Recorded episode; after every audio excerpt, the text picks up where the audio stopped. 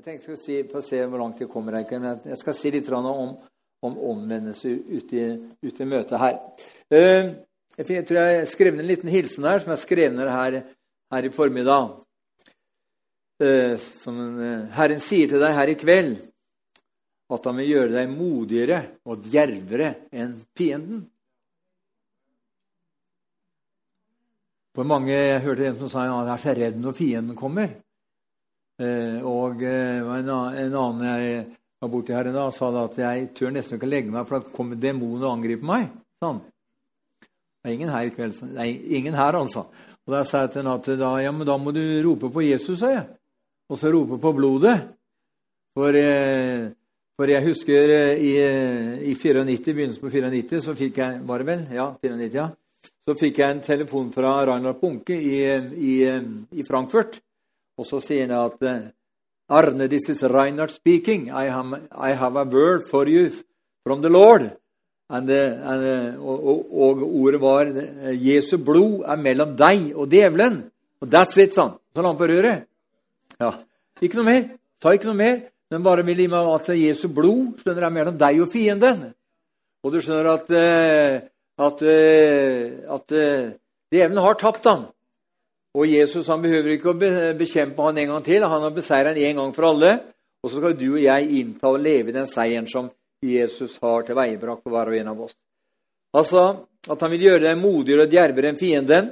For jeg har utrustet deg både for dagens og for framtidige strider. Ja, sterke Goliater vil reise seg mot deg, men du, men du skal som min tjener David i fordums tid overvinne de alle. For det er mitt navn du skal stride. For det er i mitt navn du skal stride. Fordi mitt navn inneholder all den kraft og all den styrke som du trenger i denne verden for å være en overvinner. Vær du bare riktig frimodig og sterk og fest blikket på meg, så skal du få erfare at ingen makt eller kraft i denne verden skal kunne stå seg mot deg, og alle de som reiser seg opp imot deg, skal falle i striden mot deg. Altså, det er et løfte at alle de eh, eh, som eh, ondskapens ånder som reiser seg mot deg, skal falle i striden mot deg. Og, da, og Det vil si ganske enkelt at da, når, det, når, du kommer i den striden, så må du vite hvem du er, og hva du har. Du har fått eh, navnet Jesus, du har fått eh, det som trengs til for å beseire den onde. Og det er ikke alle som sier 'Herre, Herre', som virkelig har gjort meg til herre i sine liv, og heller er ikke alle planter plantet av meg men enhver plante som ikke min far har plantet, skal rykkes opp med rot. Det er vi på vei inn i nå, nå før Jesus kommer igjen. For i disse dager skiller jeg ut de som jeg har kalt, fremfor dem jeg ikke har kalt. Og forskjellen på de som jeg har kalt og ikke kalt, er som dag og natt. Det er nemlig meget stor forskjell på de som har kalt seg selv, og de jeg har kalt og utvalgt, sier Herren. Og på samme måte som min tjener David var kalt og utvalgt av meg i fordums tid, hvor han gikk til bekken og plukket ut fem steiner som han la ned i, i sin taske, og bare med én av dem var nok til å felle Goliat. Og Disse steiner er også et bilde på de fem tjenestegaver som jeg nå i avslutningen av denne tidsalder vil reise opp i full styrke.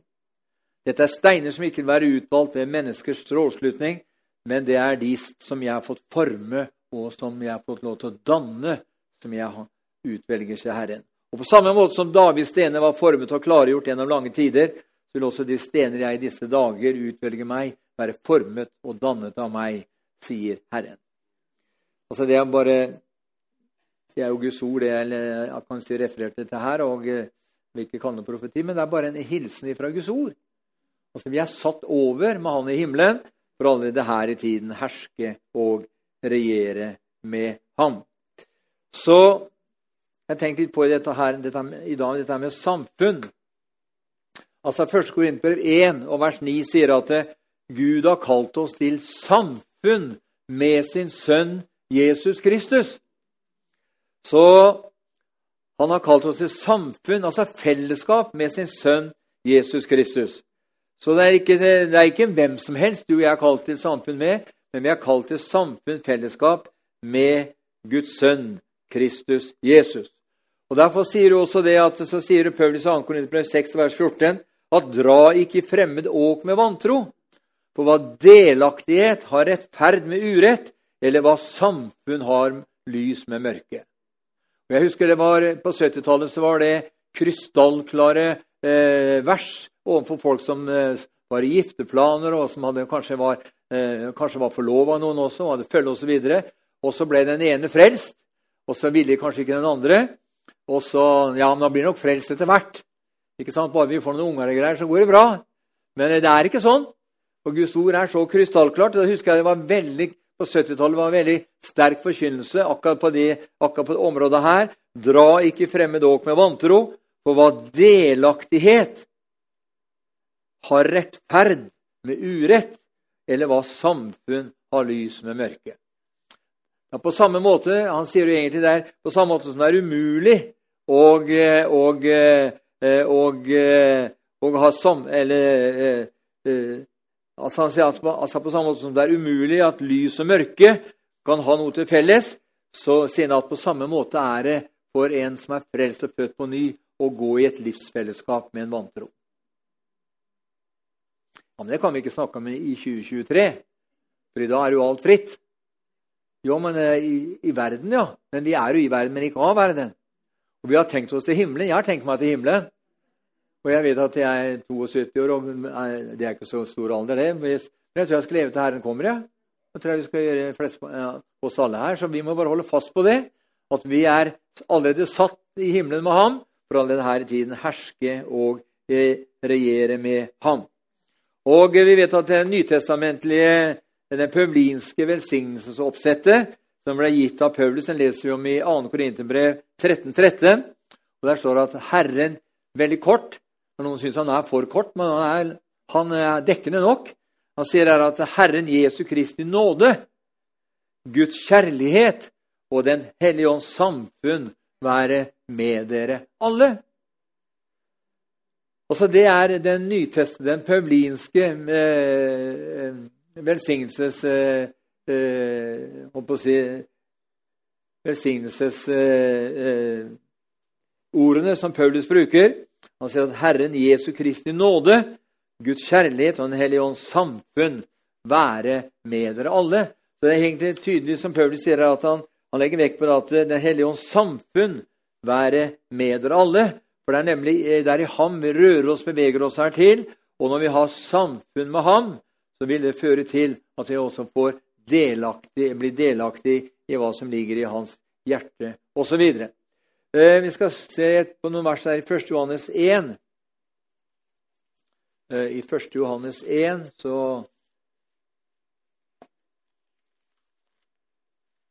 Det var litt langt bak. 1. Johannes 1 og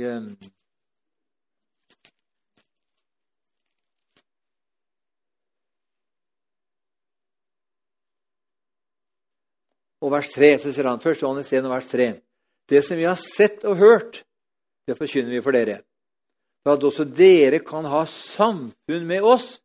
Og vårt samfunn, sier Johannes, er med Faderen og med Hans Sønn Jesus Kristus. Det som vi har sett og hørt, forkynner vi også for dere, for at dere skal ha samfunn med oss.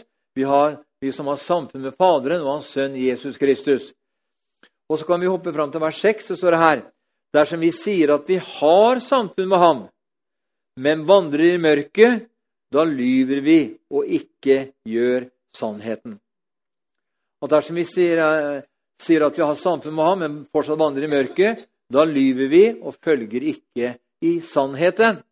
Altså Han, han legger det er ganske mange skriftsteder i, eh, i Nytestamentet om, eh, om dette med fellesskap og det med samfunn med Faderen, samfunn med Sønnen og samfunn med hverandre.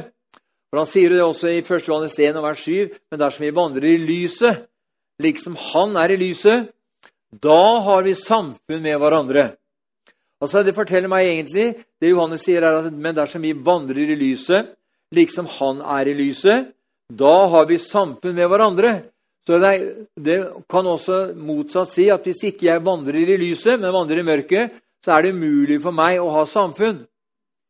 Men dersom vi vandrer i lyset liksom han er i lyset, da har vi samfunn med hverandre, og Jesu Guds sønns blod renser oss fra all synd eller fra all urettferdighet. Det vil si at når du og jeg vandrer i lyset, vi lever i lyset, vi lever i ærlighet, vi lever i oppriktighet, vi hater løgn og bedrag, vi lever i sannheten, da har vi det fører til at vi får samfunn med hverandre. Og dersom vi det gjør, så vil Jesu Guds sønns blod ha en kontinuerlig rensende effekt på våre liv. Det er det han sier. Eh, og eh, i 2. Eh, Johannes 1 og vers 9 så står det den som, ikke, den som ikke holder seg til Kristi lære, men går utover den, han har ikke samfunn med Gud. Og jeg tenkte på det da at den som ikke holder seg til Kristi lære, men går utover den, han har ikke samfunn med Gud. Og i dag er det ganske mange retninger som er ute og kjører, som har en annen lære enn den paulinske læren. For det er egentlig Paulus sier at, det, at den, han snakker om etter mitt evangelium, sier han. Og det er klart at Når du får tak i hva Paulus lærer, og hva Paulus står for, da finner du den optimale eh, forståelsen av eh, den læren som Gud har behag i. Fordi at Paulus fikk jo ingen lære eh, som han samrådde seg med verken Peter eller Jakob eller Johannes eller noen andre, men han fikk hele sin undervisning fikk en direkte ved at Jesus kom og satte seg ned med, ned med Paulus og ga ham lærens, den eh, rene lærens forståelse. Og Derfor, kan Paulus, derfor så, så eh, sier Johannes at den som ikke holder seg til Kristi lære, men går utover den Akkurat som eh, Jesu Kristi kirke de siste dagers hellige. Det var en av dem eh, Før jeg eh, Tidligere på 70-tallet så satt jeg og studerte denne her liksom, med Josef Smith. og sånt, og han, han var jo så i villrede, skriver han. skriver, høres så fint ut, og mange syns det er veldig fint han sier. Han, han, begynte å se seg omkring, for han visste at det fantes en Gud, og han visste det at eh, han måtte ha kontakt med den Gud som, eh, som han opplevde fantes. Og så begynte jeg å se på alle de forskjellige kirkesamfunn, sier han, og alle de forskjellige retninger også. Og så fant jeg egentlig ut at jeg passa ikke inn i noen av de plassene. Og så gikk jeg da ut i, ut i, i skogen eller på en sånn øde plass, og så søkte han Gud der. Og så sier han at så kom det en engel der, eh, og det var en svart engel som kom og åpenbarte seg for han. Og så ser vi da at, for en lang historiekort, så ser vi da at det, det ble begynnelsen til mormonerslekten. Og mormonerne de hadde, Kenneth Heggen eh, senior fortalte det at eh, som eh, når hans sønn junior var guttunge, så tenkte han at han skulle moro ta å stikke inn, gå innom et mormonsk tempel for bare å se hvordan det var der. Og Da tok han med seg sønnen sin, som var en 8-10 år, husker jeg, eller tror jeg. Eh, og så plutselig når han kom inn der for å hadde med seg guttungen sin og skulle være med på en sånn en, en sånn, en, en, ja, et foredrag, en gudstjeneste, som de kalte det da, så fikk eh, sønn epileptisk anfall. Han ble, an, han ble, angrepet av en demon. Så eh, han eh, senior tok med seg junior og, og, gikk ut, ut derfra. Og så måtte han ha befrielse, da, for det var en demon som hadde satt seg i sinnet hans. Og da talte Den hellige ånd til Kenneth Hegen og sa at du skal aldri sette dine føtter på et avguds... Eh, altså, altså, altså, eh, gå inn i et avgudstempel og, og, prøve å finne ut hva de står for, og hva de lærer. Nei, eh, og, og, og, sånn er det at og, da så kom jo da mormons bok, hva egentlig det jeg skulle si. Så, så er den mormonske læren er sånn. De bruker Bibelen nå. Men der hvor Bibelen krasjer med eller har en annen oppfatning enn mormons bok, så er det mormons bok som gjelder. Da har vi egentlig i utgangspunktet satt Bibelen som nummer to og sin egen eh, skrift som nummer én. Og Sånn kan det være i mange sammenhenger òg, når man ser den, one, eh, den der only, only Jesus-læra, hvor, hvor, eh, Jesus er både Faderen, Sønnen og Den hellige ånd. Eh, så ser vi det at, eh, vi det at de har skriftsteder de finner og bruker på. Og så er det hundrevis av skriftsteder om Faderen. Og Likevel så klarer man å få med seg en del mennesker i den forvirringa og i det bedraget de holder på med. Så i dag er det så mange, mange forskjellige eh, saker ute og går, eller eh, læresetninger ute og går, og det er derfor vi trenger å leve nær ved ham og ha samfunn med ham og leve i lyset liksom han er i lyset, for da har vi samfunn med hverandre, og da vil vi erfare og få oppleve at Jesu Guds sønns blod har en kontinuerlig rensende kraft på våre liv. Akkurat som ditt og mitt fysiske blod har en rensende kraft på, din, på, altså på ditt og mitt fysiske legeme. Det har en, det, fort det kommer et eller annet som ikke, som ikke hører kroppen til, som er negativt, så arbeider blodet i deg og meg for å på en måte ta bort det som ikke skal være der. Og Sånn er det med, sånn er det med Jesu blodvenner. Når vi lever i lyset slik som han er i lyset, da har vi samfunn med hverandre, og Jesu sønns blod renser oss fra all urettferdighet. Og den som ikke holder seg som en leste den som ikke holder seg til Kristi lære, men går utover den, står det, har ikke samfunn med Gud. Den som holder seg til læren, han har samfunn både med Faderen og Sønnen. 2. Johannes 1,9. Den som ikke holder seg til Kristi lære, men går utover den Det vil si at du kan ha en del ting i læra som, eh, som, stemmer overens med den, eh, altså med den sunne lære, men så går du utover den, legger til noe altså, eller trekker noe ifra. Da har du ikke samfunn med Gud, og den som holder seg til læren, han har samfunn med Faderen og Sønnen. Fra Guds side venner, så er det slik at han fra tidenes morgen har villet ha samfunn med oss mennesker. Vi vet at syndefallet førte til at dette samfunnet ble brutt, men Gud gav ikke opp. Han hadde en plan straks etter, etter, etter syndefallet som han straks satte i verk. For Det som var vanlig, det var at Herren kom sånn, sånn på ettermiddagen og tok en prat med Adam.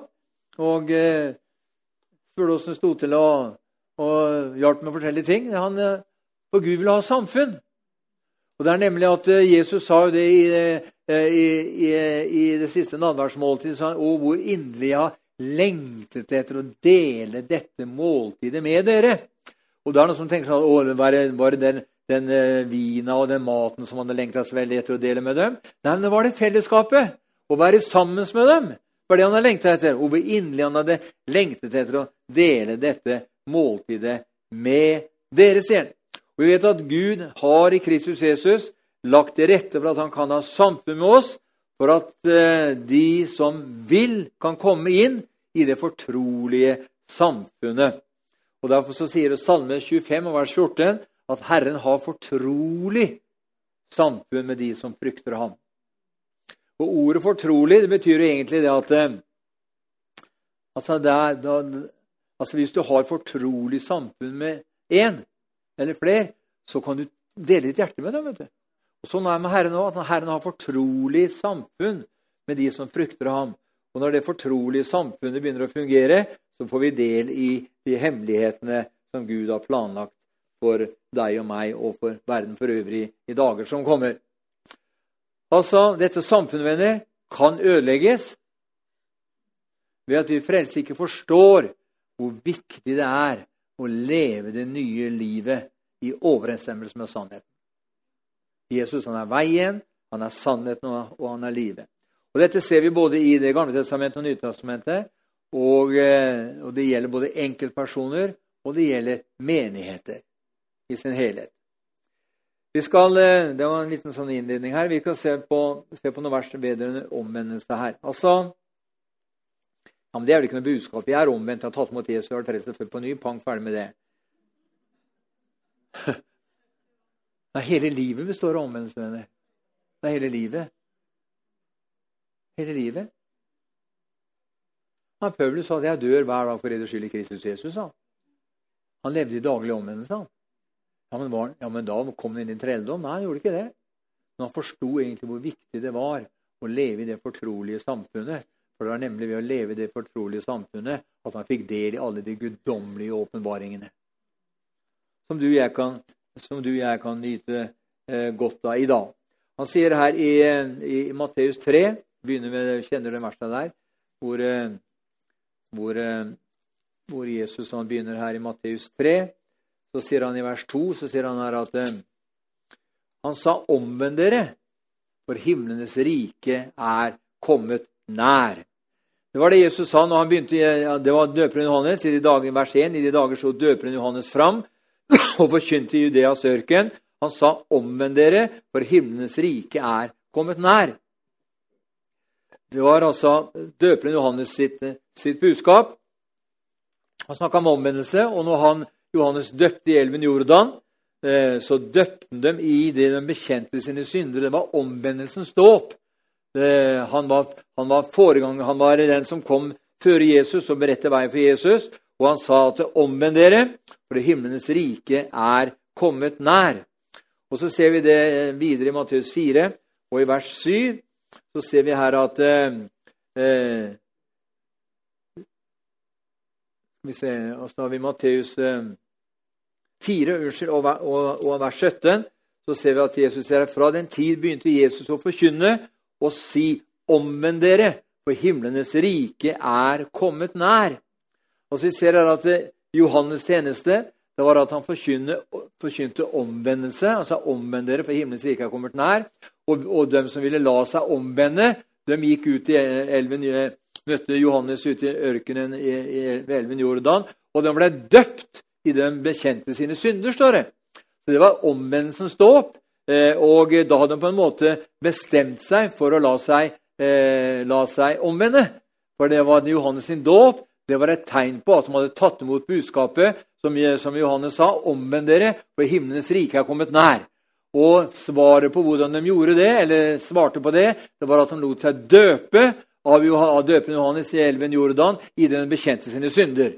Da hadde de eh, tatt imot budskapet om at omvend dere, for himmelens rike er kommet nær. Men så kommer Jesus da, eh, i, i Matteus 4, vers 17. Fra den tid begynte Jesus å forkynne og si omvend dere, for himlenes rike er kommet nær, sier han her. Vi ser her at både Johannes og Jesus begynte sin forkynnelse med ordene 'omvend dere'. Og i, dette, i, i den settingen her så handler det om å komme til tro og bli frelst. Og vi vet at, eh, at eh, på pinsefestens dag så ser vi at, eh, ser vi at Peter legger dette med omvendelse som selve grunnlaget både for vanndåpen og mottagelsen av Den hellige ånd. Eh, vi kan si det sånn, Han, han sa 'omvend dere', sa han. Eh, jeg skal ikke slå opp det verset der. Men vi ser her at, eh, at Peter han, han, han, legger et grunnlag om omvendelse som grunnlag både for vanndåpen og mottagelsen av Den hellige ånd. Og en sann og ekte omvendelse er alltid forårsaket av en kraftig åndskraft. Når du og jeg ble frelst og født på ny og tok mot Jesus og ble født på ny, så var det ikke noe sånn. Det var ikke bare at halleluja, liksom at det, det, var en kamp. Var det ikke det? Var det ikke en fight før du sa ja til Jesus? Og når du da virkelig bøyde kne og tok imot Jesus og ble frelst og født på ny, så, så brast jo alle demninger i ditt hjerte. Og de fleste knekker sammen og gråter eh, og, eh, og, og, får et møte med Jesus og eh, der og da ved at de blir født på ny. Og du skjønner at denne, og det fører alt et, et, en ekte omvendelse fører alltid til en total livsendring i et menneskes liv. Jeg kan ikke, Hvis jeg var en surrekopp og holdt på med saker og ting, og så ble jeg frelst på ny, så kan jeg ikke fortsatt leve i det jeg levde i før. Jeg sa ja takk til Guds nådegave, som er evig liv i Kristus Jesus. Nei, det er kursendring. Jeg gikk på et markedsføringskurs en gang, og da kalte de, det var noen de kalte, de kalte det for læring. Eh, eh, og Det betydde, betydde, egentlig å omvende seg ifra den formen for eh, markedsføring som jeg hadde holdt på med inntil i dag. Og læring det betyr egentlig å endre atferd. Og Sånn er det også at når man tar imot Jesus og blir frelst og født på ny og omvender seg fra sitt gamle liv, så endrer man atferd. Man begynner å gjøre ting på en annerledes måte, man begynner å snakke på en annen måte. Man begynner å få andre interesser enn det man hadde før man opplevde Jesus som sin herre og som sin frelser. Så det, eh, det, det fører til en total livsendring i et menneskes liv. Med andre ord, man blir født på ny, blir en ny skapning. Og dette skjer ikke ved å ta seg sammen, men den er en gave fra Gud. Og Det er derfor eh, Paulus sier ja, men snakke om dette her, Arne? Dette her kan, kan vi jo. Nei, vi tar det likevel. Men i Efes brevet 2 og i vers 8 så sier Paulus det her at, eh, at han sier her at eh, For av nåde er dere frelst ved tro, og dette er ikke av dere selv. Det er en Guds gave. Det er en Guds gave. Når vi f.eks. ser ser på eh, den kjente beretningen fra Lukas 15 eh, om den fortapte sønnen Det var nemlig eh, det budskapet der om den fortapte Nei, det var ikke det var om den barmhjertige samaritan. Men jeg skal ta den for i forbindelse med den fortapte sønnen. Sønnen sa Først sa han, 'Far, gi meg det som tilhører meg.' Gi meg arven min. Og Faren hadde jo to sønner, så han måtte jo dele arven. da. Han måtte regne ut egentlig hvor mye resterende verdig eh, på gården var. Og så fikk sønnen den andre halvdelen. Og han takket, sa bare 'Nå reiser jeg.' Så, fikk, eh, så hadde han lomma full av, full av gryn. Og så gikk det en tid, så var han blakk. Og til slutt så havna han da i, altså, i altså grisebingen, hvor han måtte ete av skolmene som, som altså grisene åt. Og hadde det vært i dagens samfunn eh, Jeg tror jeg nevnte en gang før, jeg fikk se det en gang, at hadde det vært i dagens samfunn hvor det var plutselig en som levde på grisers vis, eller kan si, hadde grisemas, hadde ikke noe annet mat, så hadde sosialhjelpen eller Frelsesarmen eller noen andre eh, greie naboer vært der med en gang og hjulpet ham. Ikke sant? Men det var Gud som sørga for at det ikke kom noen og hjalp ham. For han måtte gå helt ned i kjelleren. Og når han gikk helt ned i kjelleren, så står det da kom han til seg selv. Og så sa han selv, mine tjenere hjemme hos min far har det bedre enn meg. Og så sier han, far, så, bestemmer han seg om han skal si til faren sin. da. Han begynner å gå imot uh, mot uh, hjemstedet sitt. Så sier, han, så, så sier han, far, jeg har syndet mot himmelen og mot deg, og er ikke lenger verdig til å kalle sin sønn. Den leksa hadde han pugga, for han visste at han måtte si noe når han kom hjem. Han hadde brukt opp Brukte opp arven sin. Han har brukt opp arven. Og så eh, Og eh, så, så, kjenner vi historien av hvordan det var. Hvordan eh, faren ikke egentlig venta på han. Han gikk og så etter ham. Eh, og hør her, venner, at selv om sønnen hadde forlatt faderhuset, så var han fortsatt sønn. vet du. Han var fortsatt sønn. Og, han hadde, eh, og eh, hadde han ikke omvendt seg, så ville han til slutt gått fortapt. Da ville han gått fortapt. Men han kom til seg selv. Og så sa han selv mine, mine fars tjenere har det bedre enn jeg har det, har det nå. Så det var på en måte veldig bra det at det ikke noen som kom og hjalp ham. At han var der i grisebingen og måtte gjennomgå den, der, eh, eh, den fornedrelsen som det var. Han som var sønn av eh en, en, mektig gårdbruker eller en bonde eller hva som helst. Han var, han var sønn av en av en kjent far. Og nå satt han der i grisebingen og hadde brukt opp alt på, på fest og spill og dans, holdt jeg på å si. Eh, så, men så kom han til seg sjøl. Var ingen som kom og ga noe. Det var Guds plan at ingen skulle komme og gi noe. For han måtte helt ned i kjelleren. Og Noen ganger så er det sånn i våre liv at vi må noen ganger kanskje helt ned i kjelleren så vi kan begynne å klatre oppover. Og da er det de stegene vi tar fra det første trappetrinnet fra kjelleren og opp da, det er liksom ikke det er ikke noe stolte skritt, det. Det er ikke noen håmodige skritt. Det er bare da erkjenner vi og, og, og, og, og innser Herre, vær meg syndig, eller vær meg nådig. Ikke sant?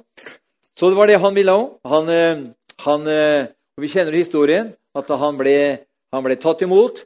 Og og eh, når han kom hjem, og han fikk en slakta, slakta både gjøkalven og han fikk nye klær og ring på fingeren osv. Og, og så ser vi den andre broren da. Jeg husker hun prekte mye om det på 70-tallet. Må ikke forveksles med eldstebroderen, sa de. vet du.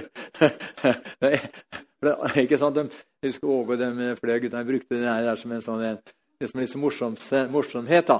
At de, den eldste broren var hjemme. Og så fleipa de må ikke forveksles med eldstebroderen. da.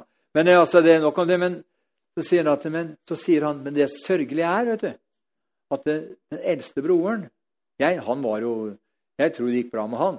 Men så, så, det sørgelige er Far, sier han, jeg har tjent deg alle disse årene. Og ikke har jeg, fått, ikke har jeg kunnet holdt en fest med mine venner i hele tatt. Men når denne, din sønn, kommer hjem, så slakter du gjøkalven og lager en stor fest på gården. Og så kan det se ut som det går opp for faren òg. Ja, men, ja, men gutten min, sier faren. Alt mitt er jo ditt. Alt mitt er jo ditt. Så på en måte så, var det to ting her. Altså, for Det ene var at faren forsto Faren forsto ikke at sønnen ikke skjønte at alt var jo hans. Alt mitt er jo ditt. For han hadde jo allerede gitt fra seg halve arven. Det var jo bare to sønner her som vi leser om. Ja, men gutten min alt mitt er jo ditt. Du kunne jo hatt en fest når du ville. Og sånn er det ganske mange eh, i Kristi kropp også, som er i den situasjonen om at Stakkars meg, jeg får ikke liksom til noe. Men Gud vil at du skal få hjerters opplyste øyne, venner, så vi kan få se hvor rik og hvor herlig arven er for den som har tatt imot Jesus Kristus og tror på ham. Så vi kan ha fest hver dag, vi. Ikke sant, Inger Lise? Vi kan feste hver dag. Halleluja! Og så kan vi feste blikket på Han i tillegg, Han som er troens opphavsmann og fullender. Eh, la oss se på et vers her i Rombrevet 2 og i vers 4. Uh, eh,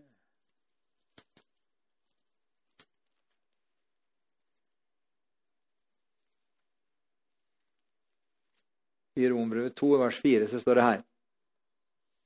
Eller forakter du hans rikdom på godhet og overbærenhet og tålmodighet, vet du ikke at Guds godhet driver deg til omvendelse. Han sier her, eller forakter du hans rikdom på godhet, overbærenhet og tålmodighet, vet du ikke at Guds godhet driver deg til omvendelse. Hva slags omvendelse er det her tale om? Hva slags omvendelse er det taler om? Jo, det selvfølgelig ligger det ordet at han, det, det har, han må omvende seg fra den situasjonen han befinner seg i. Dette handler om en generell omvendelse til frelse. Men også for oss som er blitt frelst, denne, så handler det om å omvende seg fra seg selv. Jeg må omvende meg, om, omvende meg fra meg sjøl og over til ham. Husk, det er kun i ham vi kan lykkes som sanne kristne. Du kan være så dyktig, du kan, kan, du kan kunne Bibelen på rams, du kan være den dyktig, dyktigste taleren og den mektigste på så mange plan eh, i ditt liv. Eh, men du vil aldri lykkes som en kristen uten at du har omvendt deg. Eller du vil aldri lykkes som, som sanne kristne uten at du har endret livsmønster. Og det å endre livsmønster det er på en måte, som jeg sa, at det med læring betyr å endre atferd. Eh, og, eh, og, Paulus sier jo det, som jeg har vært inne på flere ganger i 2. Korinterbrev 5.15. Han døde for alle, for at de som lever, ikke lenger skal leve for oss selv, men for han som døde og stå opp for dem. Dette betyr at jeg har abdisert, dvs. Si mitt gamle menneske, og han har overtatt. Så eh, at eh, vi må omvende oss fra oss selv. Altså korset, ord om korset. Det er en dårskap for den som kommer fortapt, men det er Guds kraft til frelse for hver den som tror. Og et, ja, men jeg er jo frelst. Ja, visst er du frelst, men vi vil jo videre. Vi vil komme inn i fullheten av Guds plan med våre liv. Og for at jeg skal komme inn, og du og jeg skal komme inn i fullheten av Guds plan med våre liv, så må jeg være villig til å endre på saker i mitt liv som Den hellige ånd peker på. Ikke det at, ikke ting som naboen peker på, eller kameraten din eller søstera di eller broren din peker på, men det Den hellige ånd peker på. Det må vi være villig til å endre på. Og Da betyr det at vi ikke lenger lever for oss selv, men vi lever for Han som døde og oppsto igjen for oss alle. Og Det betyr igjen, som jeg sa, at eh, jeg må tre av, som, som døperen Johannes sa. Se er Guds lam som bærer verdens synd. Og så sier han at, eh, sier han at eh, nå er tiden kommet, nå skal han vokse, nå skal jeg avta. Det handler faktisk om å la Kristus vokse i, i våre liv, og så skal han, han skyte eller eh, vinnes mer og mer skikkelse i deg og i meg. Vi ser krigen ute i, i Ukraina nå. Vi ser eh, russerne kjøre på. Det er kanskje jeg vet ikke mye man skal stole på de løftene eller de, eh, de, de media eh, res, eh, skriver, men de snakker om at det kan kanskje være borti 200 000 døde på begge sider. Kanskje inkludert mange, mange skada. Og Det er egentlig, egentlig en forferdelig situasjon, men sånn har det vært gjennom alle tider. Altså Under annen verdenskrig så, så gassa de i hjel seks millioner jøder. Eh, det er liksom, Nå er det 70-80 år siden, så det tenker man ikke noe lenger på. Men det var jo Hele historien vår forteller oss om kriger og om, eh, om eh, om, eh, om fighter gjennom hele gjennom hele historien, og slik vil det være helt til enden side. Skal vi ikke be om fred for Ukraina, da? Jo, er, altså, selvfølgelig skal vi det. Eh, og, men Guds ord sier at eh, i de siste dager skal det både være jordskjelv og hunger og, og kriger og rykter om krig osv. Så, videre. så det er også et profetisk tegn på den tiden vi lever i. At det vil være kriger, og det kommer til å komme flere kriger. Og som jeg sa her med 1. januar i år, eller 2. januar, at vi, det kommer store kollapser også. Det kommer kraftige økonomiske kollapser. Og jeg var vel litt inne på dette her med, dette her med valutastyringa i verden, og hvordan eh, det man eh, på fagspråket kaller Fiat-penger. Dvs. Si at man eh, trykker opp mye mer penger enn det man har reelle verdier til at hvis jeg har 100 000 i verdier, så kan ikke jeg eh, utstede obligasjoner for en million. For da har jeg utstedt obligasjoner for 900 000 mer enn det jeg reelt eier og har. Ikke sant? For det skal jo ligge en reell verdi bak de obligasjonene som blir utstedt. Det skal ligge en, en tilsvarende sum, så det skal kunne løses inn på et gitt tidspunkt. Og Sånn har USA holdt på med nå i eh, både USA og EU. har holdt på med det nå i, i, i ganske mange år. Eh, hvor de altså gir enorme summer. Vet du. du kan jo tenke, Skal vi gi liksom 100 liksom, eh, eh, tusener av milliarder i støttegreier? Har de de pengene, eller? Nei, de har dem ikke, skjønner du. Men de trykker opp det man i Norge kalte før for ihendehaverobligasjoner. Det vil si at du kunne gå på Eller Pengelotteriet, var det som også hette for en, for en 50 år siden. Du kunne gå og kjøpe deg la, la, la oss La oss holde oss i ihendehaverobligasjoner. Du kunne gå til staten og så kunne kjøpe deg en, en, en, en ihendehaverobligasjon eller en statsobligasjon for 100 000 kroner. da. Og den ga f.eks. si 1,5% rente. Og, det, og, det, og, den var sikker, for den renta, de 15 kronene, fikk du hvert år av staten. For det var egentlig staten som skyldte deg eh, de 100 000. Det var i hendehaverobligasjoner. Så fikk du en rente på den. Og Sånn er det, sånn er det bl.a. I, i EU, og spesielt i, i USA. De, de, utsteder noe enormt med forskjellige slags derivater og obligasjoner av alle slag, som gjør at f.eks. Hvis, hvis amerikaner nå sier at vi skal gi bort 3000 milliarder til Ukraina, bare for å ta et eksempel, eh, i form av våpen og, og penger, da, så må, jo, så må de jo kjøpe våpnene fra, stort sett fra amerikanske våpenprodusenter, så sånn at de ikke tar noe av det de har av sitt eget lager. De gjør også det òg. Men la oss si at de, de, må bruke og kjøpe for den der 3000 milliardene. da. Og så skal de også gi da eh, kanskje 2000 milliarder er cash i dollar som de skal gi til Ukraina. Bare for å ta et eksempel, bare for å holde oss til det. Så er det sånn at, ja, men Hvor får de de 3000 milliardene fra da? Jo, da skriver den amerikanske sentralbanken ut det man kaller for eh, Det er forskjellige papirnavn. Eh, Eh, de bruker, men la oss si at de bruker noe tilsvarende norske ihendehaverobligasjoner. Det vil si at da kan de skrive ut en, en, en, obligasjon som de deler opp, som de sender ut i hele banksystemet, finanssystemet i USA. Og så sier de f.eks. at renta på de 3000 milliardene skal være 4 For å ta et eksempel. Og da vet alle banker og finansinstitusjoner i USA at nå må, nå må vi, når vi kjøper opp de 3000 milliardene i disse obligasjonene, så er det kanskje en 10 år eller 15 år eller 20 års horisont på det. Så vet de da at da vil de få den 4 i avkastning hvert år så lenge den, den amerikanske staten har midler til å betale ut. Og sånn det, og, og på den måten så, så driver man og trykker opp og gir bort mye mer enn det man reelt har i reelle verdier. Man kan si I Norge så, det, så skylder norske husholdninger Jeg ser bort fra kortlån, for de er på rundt 150 milliarder. Men totalt så skylder norske husholdninger ca. 7900 milliarder kroner. La oss avrunde og si 8000 milliarder. Eh, og det er, ja, men det er jo delt, det er fordelt på alle hoder i Norge. da. Men 8000 milliarder da, det er jo egentlig veldig mye. da. Og hvorfor er det, hvorfor er, og en liten nasjon på 5,5 millioner. Hvorfor er det sånn? Jo, fordi at Norge er et dyrt, dyrt land å leve i. Ikke sant? Her er en elektrikerregning er 700-800 kroner timen osv. Her er det høyprisland. Alt er prisa veldig høyt i Norge. Og når alt er prisa veldig høyt i Norge, så må jo folk ha desto mer i inntekter for å kunne leve og fungere normalt i dette samfunnet. Eh, og eh, men hvorfor kom jeg inn på det? Jo, jeg kom inn på dette her med USA og EU og dette her med, med, med Fiat-penger. At man trykker mer eh, penger enn man har reell verdi til. Men på et eller annet tidspunkt så vil det smelle. På et eller annet tidspunkt så må de betale prisen for det. Og på samme måte som at det, eh, Hvis du er god for 1 million kroner, og så har du lånt deg opp til, så opp til 10 millioner kroner, og så kommer det den dagen du ikke klarer å forrente de 10 millionene, og da sier banken ja, da tar vi og selger det du eier og har. Og så tar de og selger det du eier og har, så er det bare 1 million. Da er det jo 9 eh, millioner i minus. Og sånn vil skje med de store nasjonene USA og EU og en del andre land. Vil skje før Jesus kommer igjen.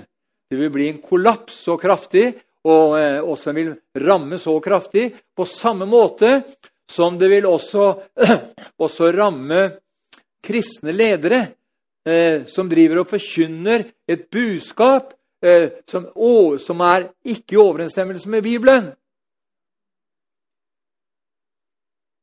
Hva vil det si da? Jo, du kan forkynne at Gud han skal, han skal hjelpe deg, han skal bevare deg, han skal holde åpen rettferds høyre hånd. Alt dette er riktig. Men vi har sett en del ekstreme tilfeller, og bl.a. i USA og en del andre settinger eh, har vi sett at folk at de lover liksom gull og grønne skoger. Eh, vi så jo da at når, når Vincent Churchill i en, annen, altså i en annen verdenskrig når han kom, altså, altså når han kom på banen, så lov, lovte ikke han at hvis vi vinner krigen, skal alle få nye hus og nye biler. Nei, han lovte dem blod, svette og tårer. Og det er noe i den bibelske terminologien og noe i det bibelske grunnfundamentet som handler om at, eh, at eh, eh, Eh, man må lære å gå før man kan springe. Ikke sant? Og så er, det en del sånne ting at man, man, kan komme inn i overdrifter. Og hvis Guds menighet kommer inn i overdrifter, så kan man komme inn i, inn i en situasjon som tror at ja, men vi har jo alt. Som de sa før, at vi behøver, som en sang han eh, sa vi kan slutte å be. sånn. Vi bør ikke be lenger. For han har fått en åpenbaring. Vi har jo fått alt. Og hvis vi har fått alt, så bør vi ikke be om noe mer da vel? Jo, må, Det er nettopp da du skal begynne å be. Så det du har fått, kan bli en, reali, bli en realitet. Og så er det ikke alltid vi får det vi ber om heller. For, eh, for vi, Gud ser hva du og jeg tåler, og hva vi ikke tåler, osv. Men, men nok om det. Det handler om, det handler om en omvendelse. Og eh, jeg var eh, Ja, jeg kom litt inn på det, inn på det politiske greiene. altså på på hvordan pengemakten råder. Og vi ser blant annet her, Bare avslutter med det akkurat med pengegreiene her. World Economic Forum. Jeg sa det her i begynnelsen på januar. FN, EU, VHF, WHO. Det er løgninstitusjoner, alle sammen. Det er løgninstitusjoner. VHF, det er World Economic Forum, de har en langtidsplan Eh, nå er det Børge Brenne som kanskje går inn der og blir en av lederne der etter hvert nå. Men de har en plan, og han Schwab der, han sa rett ut da, det, spiller, det viktigste for folk i verden sa han, det er ikke at de eier noe, men at de kan være lykkelige. At de har en bil å kjøre med, de har en jobb, de en, får sin ferie osv. Og, så videre, og har det liksom litt romslig. Og bare de kan bli glad, så trodde han at det ville være svaret på hele verdens utfordringer. Og så kan så kan vi andre sånn eie alt sammen. Ja.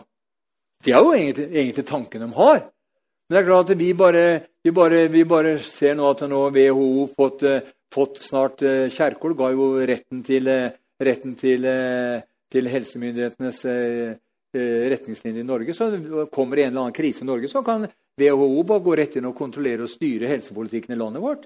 For vi gir ifra oss det som Gud har gitt oss. Ja. Vi har gitt ifra oss rettighetene til strøm for hele nasjonen, som skulle være et gode for det norske folk.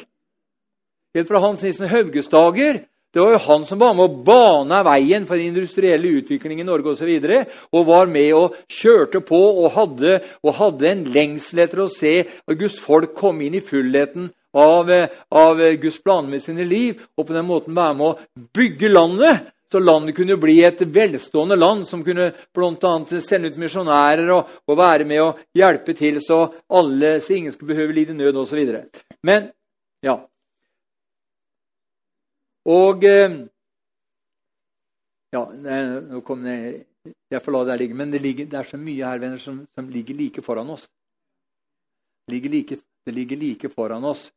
Og, eh, og, eh, nå så man i Tyskland nå at over 55% av den tyske befolkningen nå innser at Tyskland er i krig mot Russland. For de kjører jo våpen inn til motparten.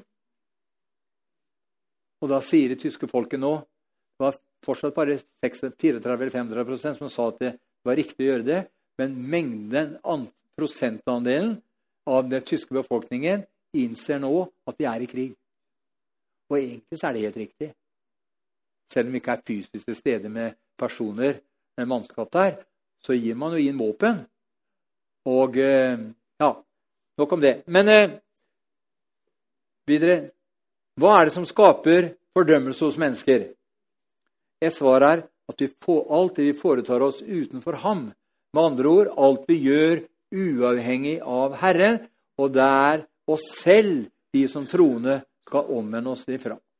Jeg må omvende meg fra den gamle Arne Lunds måte å tenke på, handle på, gjøre og forstå saker og ting på. Og så må jeg overgi mitt liv til Han og la Han få lov til å bli herre i mitt liv.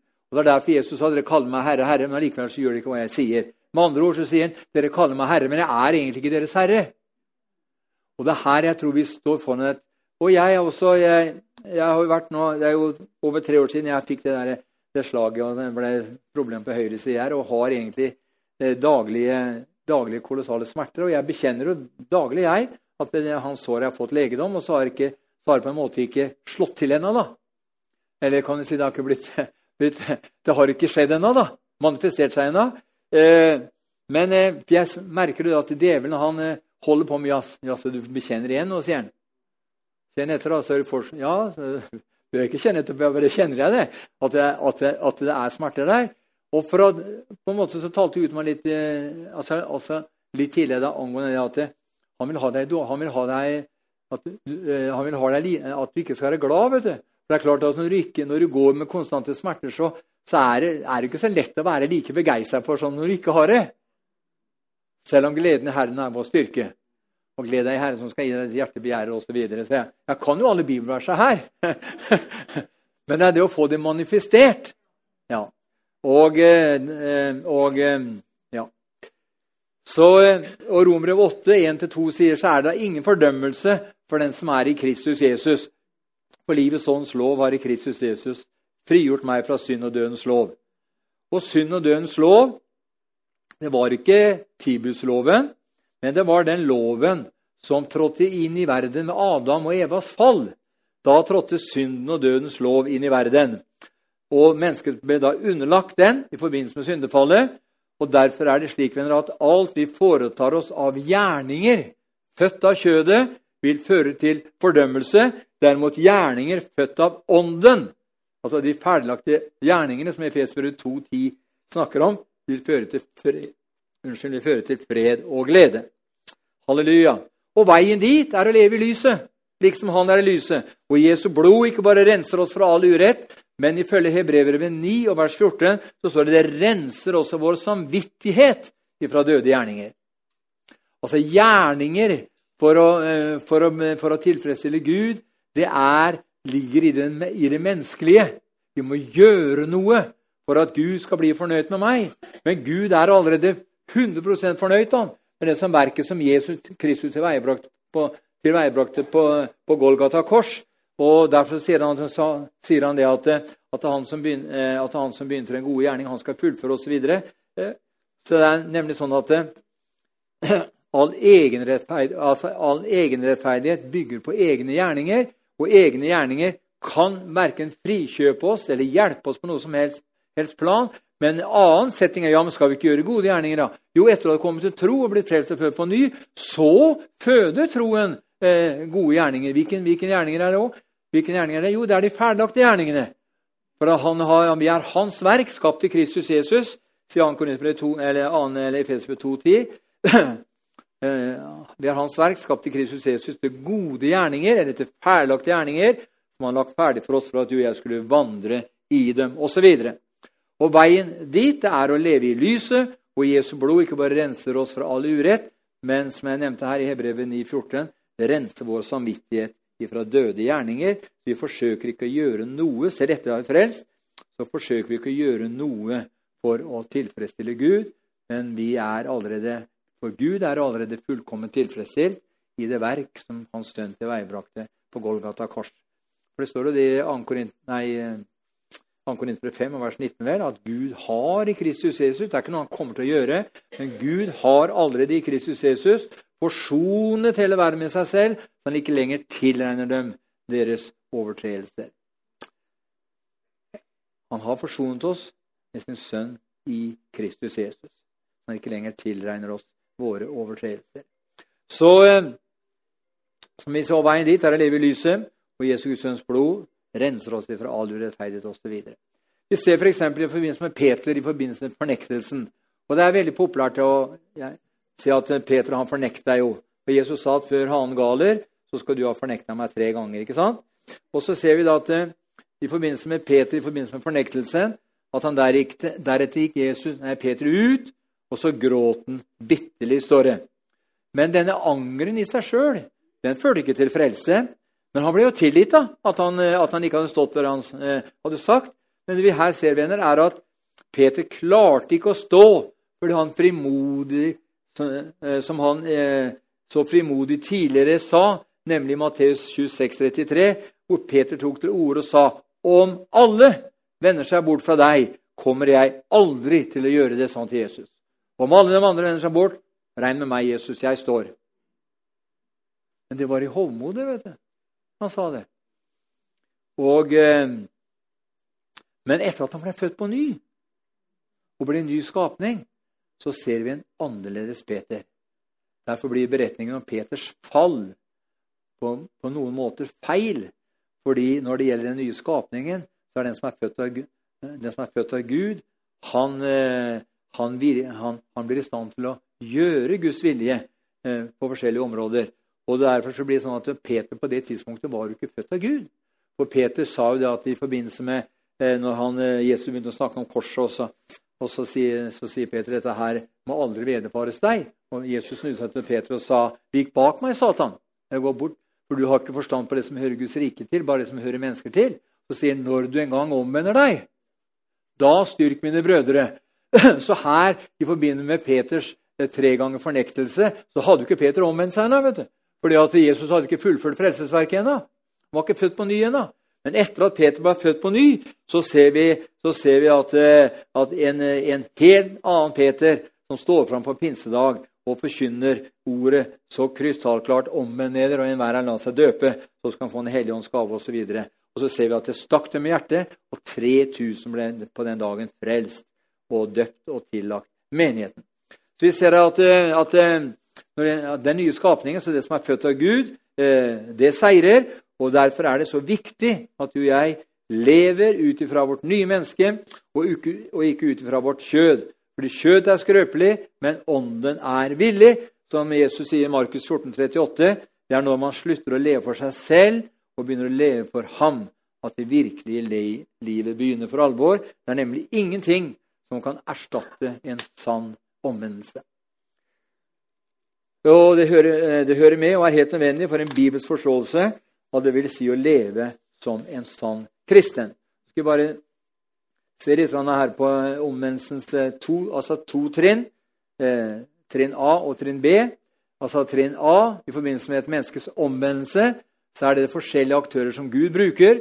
Og hver av dem, aktørene som Gud bruker, det er viktige for at resultatet skal bli ekte. Først i omvendelsesdramaet så står synderen deg og meg. Du og jeg er nummer én. Tynget av eh, hvor, vi er, hvor vi er, innser at vi er syndere og trenger å bli frelst. Vi er tynget og vi er borte fra Gud. Deretter så kommer menigheten, som er de hellige, utvalgte, eh, tatt ut av verden fra ulike bakgrunner, som er løst fra Satans lenker og bånd, hvor de alle har opplevd å bli satt fri fra syndens lenker. Deretter, det tredje, så kommer forkynneren i menigheten, for hvordan kan de tro uten at noen forkynner? Og vi må huske på at det var profeten Natans overbevisende budskap som fikk David til å falle på sitt ansikt og omvende seg. Alle disse aktørene er med i Guds frelsesplan, for hver utvalgt og hver dyrebar sjel.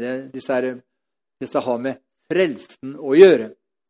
Eh, men hvordan kan uforløste da, og versligsinnede kristne ledere fører noen til sann omvendelse?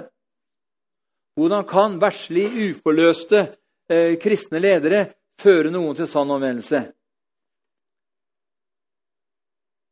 Og her, skjønner du, når det blir manko på omvendelse, så har Satan her på mange områder satt inn sitt kraftigste og tyngste våpen. Det er ikke noe behov for omvendelse. Er du frelst og på ny, så lev som passer deg. Det blir feil. Og du skjønner at eh, Når den forkynnelsen sier at det ikke er noe behov for omvendelse, så har djevelen klart å fått inn at eh, han har fått inn, han har fjerna omvendelse. Eller Vi så både døperen Johannes som begynte det, og Jesus begynte. Og hele veien ser vi Paulus. Vi skal ikke gå inn på alle sidene, her, men det er et, et, det å vandre med Herren er å leve i et fornya liv. Det. det er å leve i samfunn med Han, som døde for oss alle mens vi ennå var syndere osv. Vi ser f.eks. i faraos palass så brukte han magikere og trollmenn. De kastet sine staver, som ble til slanger, og slik kopierte de guddommelige tegn opp til et visst nivå. Farao omvendte seg ikke i sitt hjerte, selv om han lot folket reise. Men så ser vi at men så ble han bare enda hardere og satt etter folket med hele sin hær. Og vi vet hvordan det gikk. Han ga liksom etter for press. Ikke sant? I og med at eh, Moses, den ene ulykka ramma landet etter den andre. Til slutt så ble ulykkene så alvorlige at alt førstefødt i Egypten døde. Og da, da, da klarte ikke farao å, å holde en lenger. Da lot han folket fare. Men så gikk det en tid, når folk var på vei mot, eh, mot altså, Rødehavet, så angra han på det, du, for det hadde gått en, kanskje gått, noen, gått, en tid. Nei, vi skal, vi skal, ta dem igjen. Vi skal hente dem igjen. Så det var ingen omvendelse det, eh, som farao praktiserte, men det var på en måte Han ga etter, bare. Og det er klart at det er mange ganger som, eh, som, eh, som både du og jeg kan på en måte gi etter for ting uten at det skjer en sann omvendelse i våre hjerter. Det står her i 1. Timot, i Timoteus 3, 1, 1. Timoteus 3, 1, 3 og 1-9. Du skal vite at i de siste dager skal det komme vanskelige tider, for da skal menneskene være egoistiske, glade penger, fare med skryt, være overmodige, snakke stygt om hverandre, være ulydige mot foreldre, utakknemlige, uten respekt for det hellige, ukjærlige og uforsonlige, fare med sladder, mangle selvbeherskelse, være rå, likegyldig for det gode, svikefulle, oppfarende og innbilske. De elsker sine lyster høyere enn Gud. I det ytre har de gudsfrykt, men de fornekter ens kraft. Vend deg bort fra slike folk, sier Paulus til Timoteus her. Vend deg bort fra slike folk. Altså, de elsker sine lyster høyere enn Gud. Og er det noe som er vel som særpreger den tiden vi lever i nå, så ser vi at enten du går på, på nett og ser enten på Dagbladet eller VG, så er kan du si, som halve sidene handler om utukt og slippe sine lyster fri. Det er det det gjør. Hele veien. Og, eh, og, har, og, det, og, det, fører til at man elsker sine lyster høyere enn Gud. Og så begynner hun da å dyrke skapningen fremfor skaperen. Og Rombrevet 1 sier at fordi den begynte å dyrke skapningen fremfor skaperen, så overlot Gud dem til et sinn som ikke duger. Så det er jo ikke noe, ja, De har, de har et, sinn, et, sinn, et sinn som ikke duger. Og Nå ser du den ene store fotballklubben etter den andre rundt omkring i verden skal begynne å ha svære pride-samlinger. Jeg så ifra eh, For det er så inn, det nå, vet du. Det er at hele, det er, vi er på vei inn i en, opp, i en forråtnelse av, dette, av denne verden som vi all, verden aldri har sett maken til. Eh, og Derfor er vi, vi er på vei inn i Sodoma og Gomorras dager. og På mange områder så har vi gått enda lenger. Og Derfor er det viktigere enn noen gang at du og jeg pleier livsfellesskapet og samfunnet med Jesus Kristus, han som er vår forløser. For snart så reiser vi herifra. Da reiser vi fra båter og biler og hytter og hus og hva det enn måtte være. Det har ingen verdi lenger. Vi skal hjem. Halleluja! Priset være Jesu navn. Og Det er derfor eh, var en predikant borti, eh, borti, altså borti Chicago det var i begynnelsen på, på 1900-tallet. Han hadde en svær menighet her. Han var en svenske. Jeg husker ikke navnet på han i farta. Men eh, han prekte veldig mye om Jesus og om altså Jesu gjenkomst. Og så, og så eh, skulle de ha en innsamling. De skulle samle inn til et nytt orgel i menigheten. Og de, eh, Så var det på et menighetsmøte der, eller så var det en broder som reiste og sa du, du broder, sa han, hvorfor skal vi samle inn til et nytt orgel når Jesus kommer nå meget snart? sa han. Men han var, så, han var en sånn Åge Samuelsen-type. vet du. Ja, men det er for at de som blir igjen, kan bruke det. sånn.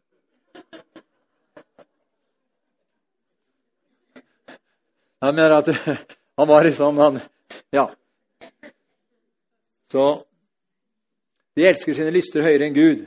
I det ytre har de gudsfrykt, men de fornekter ens kraft, vend deg bort fra slike folk. Altså folk som har gudsfrykt, men, eller som, som eh, eh, i det ytre, som har gudsfrykt i det, altså i det ytre, men fornekter ens kraft. Slike skal du vende deg bort fra. Hva betyr det? Så kan du med å gjøre. Ganske enkelt. Du bør ikke være Si meg hvem du omgås, er svensk ordtak som sier meg hvem du omgås, skal si meg hvem du er. Du behøver ikke å ha fellesskap med alle. Du kan ikke heller det. Jesus hadde tolv disipler da, som han hadde fellesskap med. Du klarer ikke å ha samfunn med altfor mange på en gang. Men eh, det viktigste er at vi har samfunnet med ham, som er veien, sannheten og livet. Det står i Apostlene 13 skal være, jeg skal straks avslutte i Apostlene 13 vers 4, 4 utover. Vi ser trollmannen Elimas sette inn sine framstøt for å hindre landshøvdingen Sergius Paulus å ta imot omvendelsen og frelsens budskap.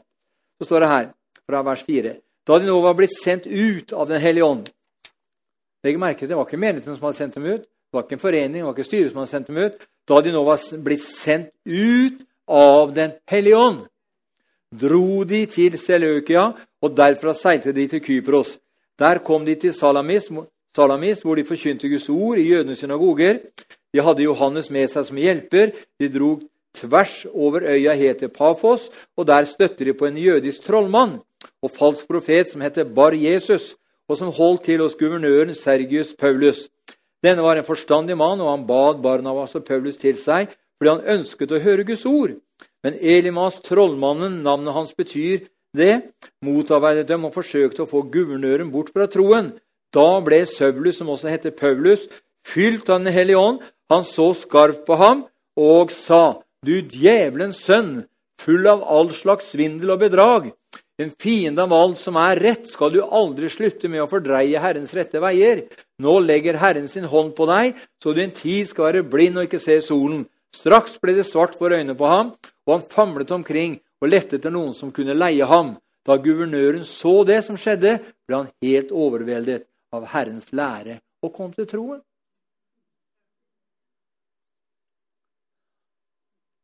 Men Paulus han ble sånn vred han, i sin ånd. Han, vet du. han sa i Den hellige ånd Du djevelens sønn, sa han til ham. Altså, vi har kanskje med vår, eh, vår, tid hvor vi vokser opp med all den hvor politisk korrekt alt skal være, og, og det har gått langt inn i Kristi kropp òg. Alt skal være så eh, eh, kristologisk korrekt, allting. Man, være, man, er redde for å kalle en spade en spade. Jeg så bare så på, på, debatten jeg satt og så på den, eh, eh så på den her, da, hvor NRK ble eh, stilt til veggelsen i forbindelse med det eh, Sophie Elis eller hva heter Jeg har ikke har ikke noe greie på det. Men altså, ble, han stilte henne spørsmål Du så hvordan, så hvordan, hvordan hun, hvordan han ikke klarte å takle situasjonen. Og bare liksom fraskrev seg ansvar og alt mulig. Så så jeg en sånn professor som skrev dagen etter er et skoleeksempel på en leder i norsk offentlig forvaltning som ikke har forstand og ikke kunnskap til å styre en så stor bedrift.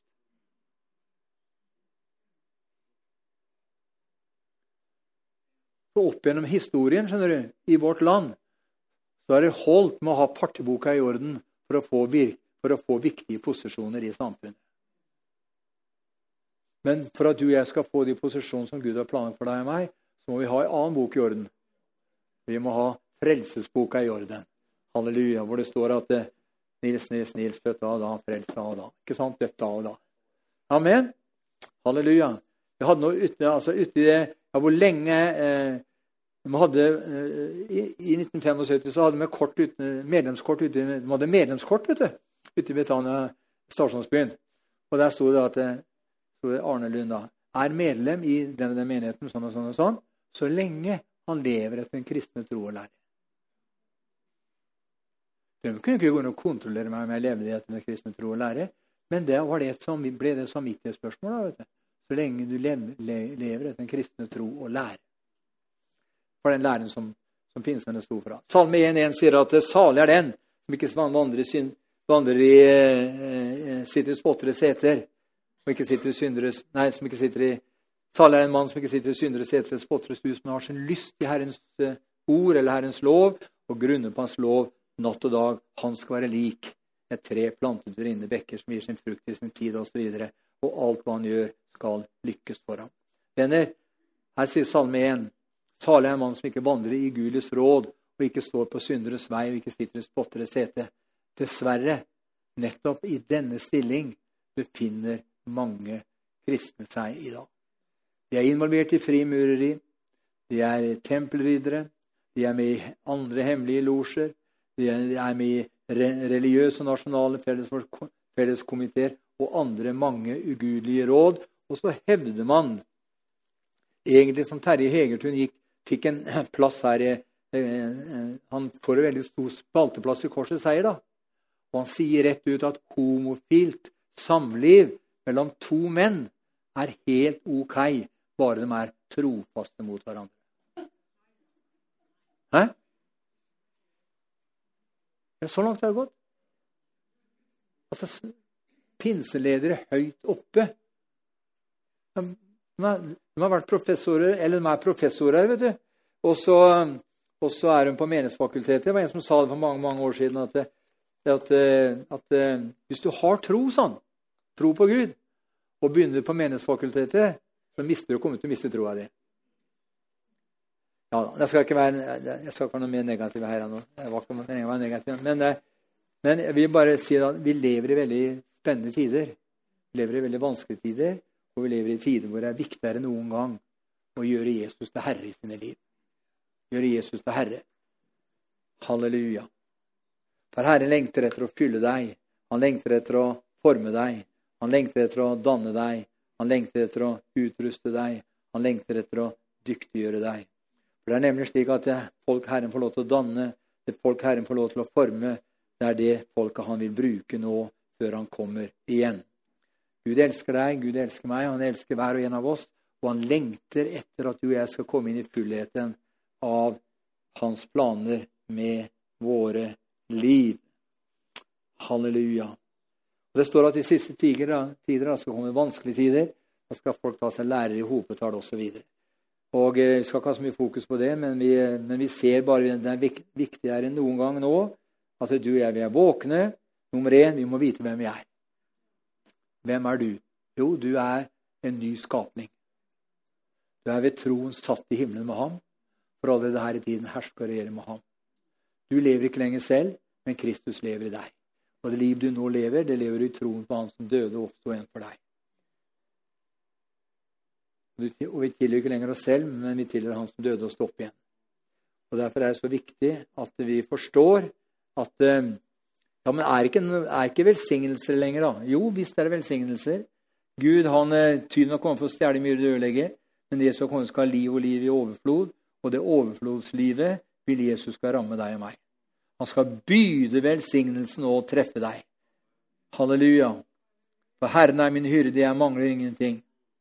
Han leder meg til vinens vann osv. Så, videre. du skjønner at Gud han eh, lengter etter å møte deg, styrke deg, bevare deg og fylle ditt beger så det flyter over. For den Gud du tjener, som har ett et av navnene, er El Shaddai, den Gud som er mer enn nok. Og han har i Kristus Jesus gitt deg og meg alt som tjener til liv og Guds frykt. Derfor kan vi bare prise ham og ære ham og takke ham. Og han som begynte, han skal fullføre, venner. Sammen er vi sterke. Sammen skal vi få se det bryte gjennom i denne by, i dette fylket, i denne nasjonen. Norge skal bli frelst og lære sannheten å kjenne. Halleluja. Når eh, den romerske soldaten så, som sto ved Jesu kors der, sånn, fra den sjette til niende timen, det kom det mørke og det jordskjelvet, så, sier, og så utbryter den romerske soldaten til slutt sannelig, han var Guds sønn. Og Det er det Ola Nordmann skal si. Sannelig, Jesus lever. Halleluja. Og hvordan Når skal han si det? Han skal si, det kommer til å si når Guds herlighet begynner å manifestere seg gjennom deg og meg, og vi sammen skal få lov til å være bærere av Hans herlighet, bærere av Hans fred, bærere av Hans godhet, bærere av Hans kraft, bærere av alt det som godt og velbehagelig er. For nemlig Han som bor ved troen i ditt og mitt hjertevenner, han har beseiret den onde. Han har beseiret den onde, og det vil si at når du og jeg slipper han, han til som bor ved troen i våre hjerter, så vil også du og jeg beseire en onde på alle plan og alle områder. Arild Edvardsen sa en gang det at, at vi, vi kristne vi har så lett for å slite med saker og ting, og så glemmer vi at han som er seierherren, bor i oss. Så Vi må egentlig be Gud om visdom, sa Arild, til å slippe han løs, han som bor ved troen i våre hjerter, og som har beseiret den onde.